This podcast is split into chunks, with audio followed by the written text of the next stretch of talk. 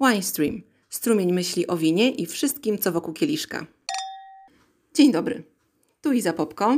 Witam Was w kolejnym, no dobra, dopiero drugim odcinku podcastu Winestream.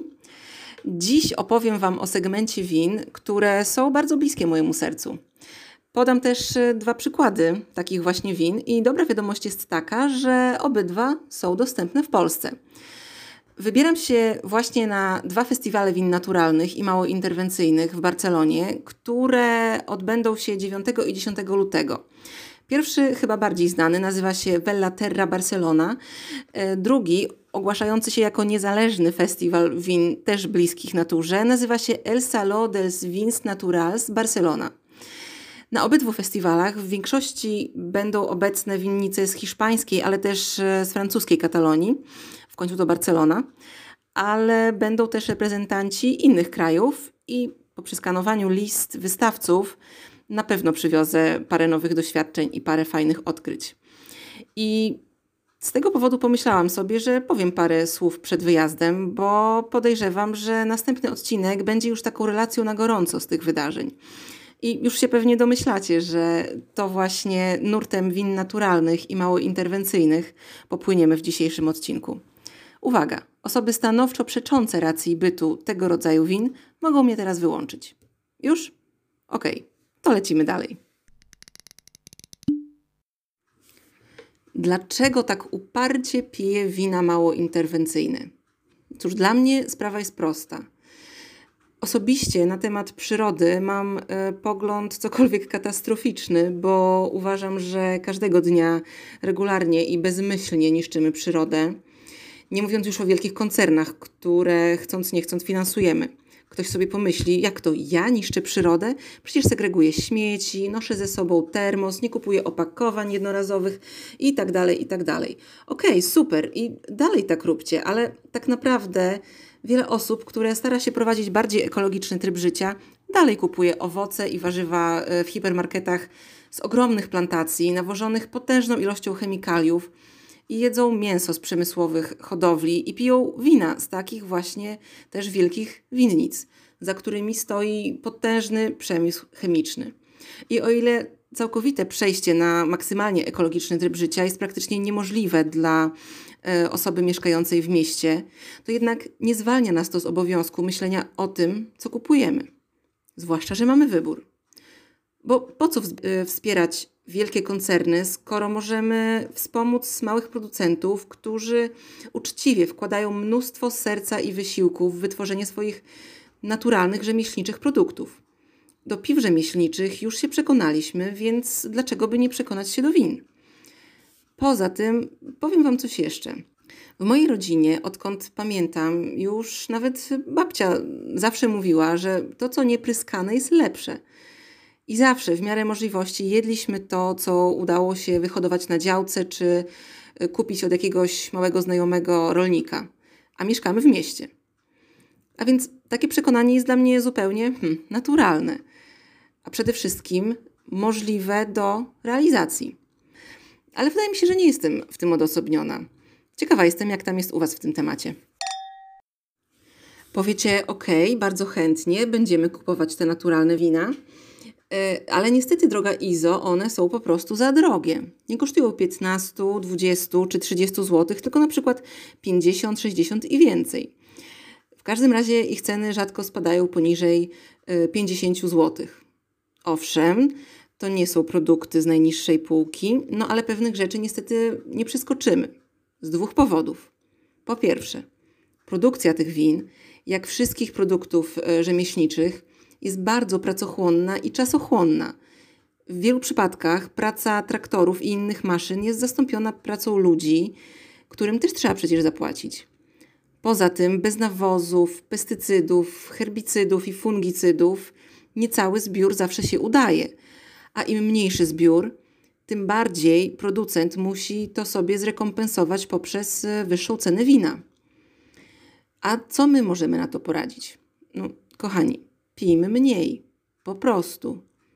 Wino to alkohol i naprawdę nie potrzebujemy, a nawet nie powinniśmy wypijać na przykład pół butelki za 20 czy 30 zł każdego dnia, nie mówiąc już o całej flaszce.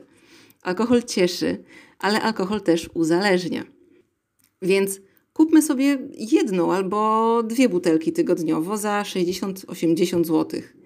Tygodniowy wydatek będzie podobny albo i mniejszy, a przy tym mniejsze, wierzcie mi, będą skutki uboczne spożycia takiego wina. A satysfakcja na wielu polach gwarantowana.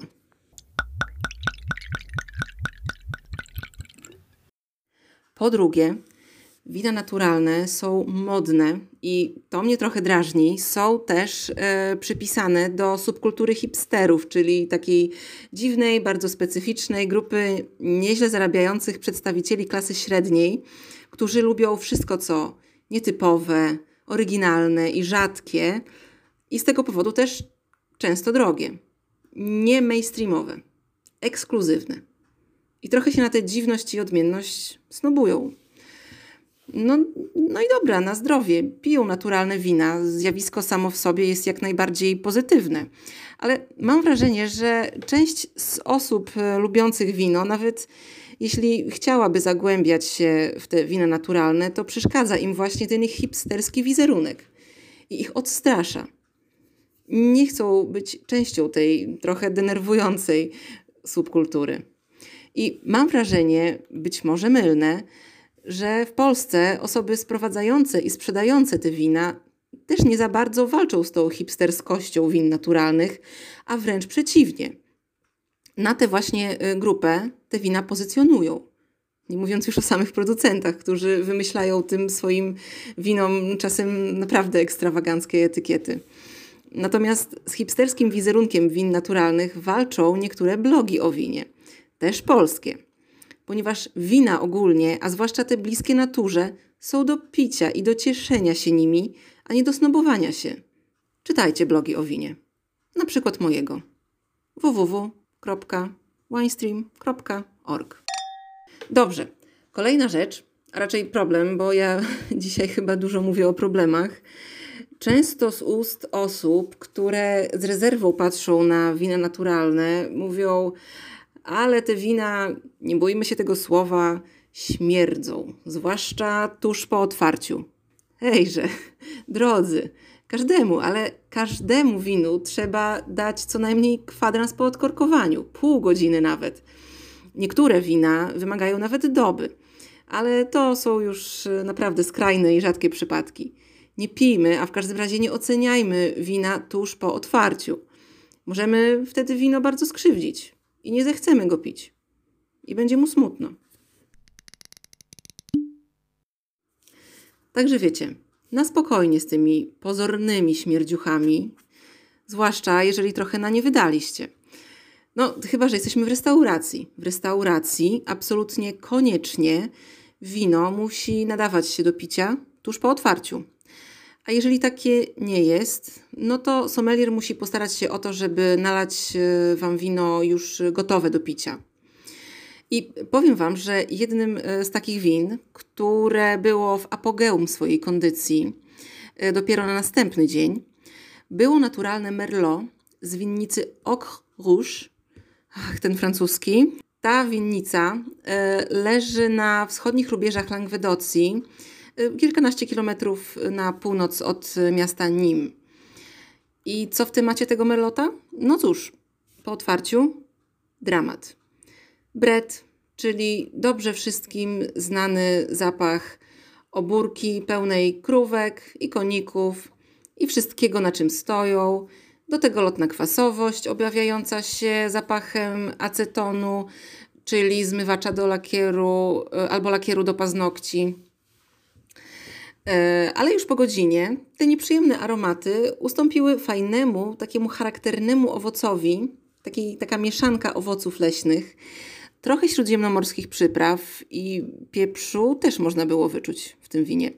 Natomiast następnego dnia pełna elegancja i to, co w merlocie lubię najbardziej. Piękny, gęsty, soczysty owoc, aksamitne taniny i całkiem bogata struktura to zdecydowanie nie jest taki tam zwykły merlocik bez charakteru, jakiego byśmy się mogli spodziewać. Ono ma zresztą jak wiele win naturalnych, taką fajną energię i swego rodzaju zadziorność. No, było przepyszne. Kupiłam je za, o ile pamiętam, niecałe 80 zł y, w La Cave Philippe y, de Givenchy w Warszawie. Philippe sprowadza do Polski naturalne i mało interwencyjne wina francuskie i ma swój sklep przy ulicy Wilczej 28. Polecam. Oczywiście w Europie i na świecie mamy mniej i bardziej utalentowanych i skrupulatnych naturalnych winiarzy, ponieważ warto wspomnieć, że pierwszorzędna w winnicy i w piwnicy jest higiena. Więc jeżeli na jakimś etapie produkcji wkradną się jakieś niepożądane drobnoustroje, no to mamy i te krówki, i koniki, i lakier do paznokci, i jeszcze potencjalnie masę innych nieprzyjemnych rzeczy, które, co gorsza, z czasem y, nie chcą z tego wina uciec, nawet po paru dniach. I ja też tego doświadczyłam. Takie wino jest wadliwe i koniec. Reklamacja. Natomiast o winach, które są zupełnie bezproblemowe i przyjemne nawet od pierwszych chwil od otwarcia, możecie poczytać na przykład na moim blogu. Jednym takim winem, o którym akurat nie pisałam, jest różowe wino musujące z morawskiej winnicy Sifani. To jest kupasz 70% e, lokalnej, morawskiej odmiany e, o nazwie André, która jest krzyżówką Frankowki i Saint Laurenta, a resztę wina stanowi Pinot Noir. To jest nieklarowane i niefiltrowane wino z rocznika 2015 o bardzo technicznej nazwie Zero Dosage. A nazwa ta oznacza, że do wina nie dodano, nie zgadniecie, dosage, e, czyli mieszanki wina z cukrem. I czyni je to prawie całkowicie pozbawionym tego cukru. Co więcej, wino wpisuje się w kategorię e, Brut Nature, czyli najbardziej wytrawnych musiaków. Fit tak, jeśli pijemy odpowiedzialnie. No, ale przechodząc do tego, jak pachnie i smakuje nasz różowy musiak, to przede wszystkim pachnie bardzo ciekawie, bo mieszanką czereśni z odrobiną suszonych śliwek, a nawet trochę zapachu takich opadłych liści tu można wyczuć. Też jest ciekawy niuans takiego zielonego, niedojrzałego orzecha laskowego. I w ustach ten orzech też się powtarza, ale gdzieś pod koniec, na finiszu bo z kolei y, na pierwszy plan w smaku wysuwa się taka intensywna, soczysta wiśnia z jakby paroma kropelkami słodkiego szery. Taka mieszanka smaków i świetna, wibrująca wręcz kwasowość, to wszystko sprawia, że wino jest trochę dzikie, ale i bardzo odświeżające. No, coś pysznego. No, ale za tę przyjemność będzie trzeba trochę zapłacić. W sklepie importera Wine People w Warszawie przy ulicy Bielańskiej 6 wino kosztuje 124 zł. Ale śmiem przypuszczać, że cena przestanie Was boleć już po pierwszym łyku.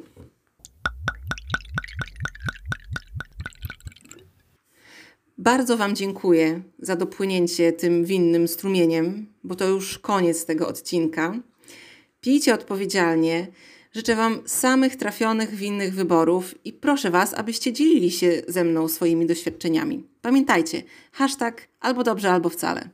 I przy tej okazji zapraszam Was też do grupy na Facebooku o nazwie wina bio ukośnik eko, ukośnik biodynamiczne, ukośnik naturalny. A prościej wpiszcie po prostu w to miejsce do wyszukiwania na Facebooku e, hasło wina bio, razem pisane i na pewno nas znajdziecie. Wasze zdrowie.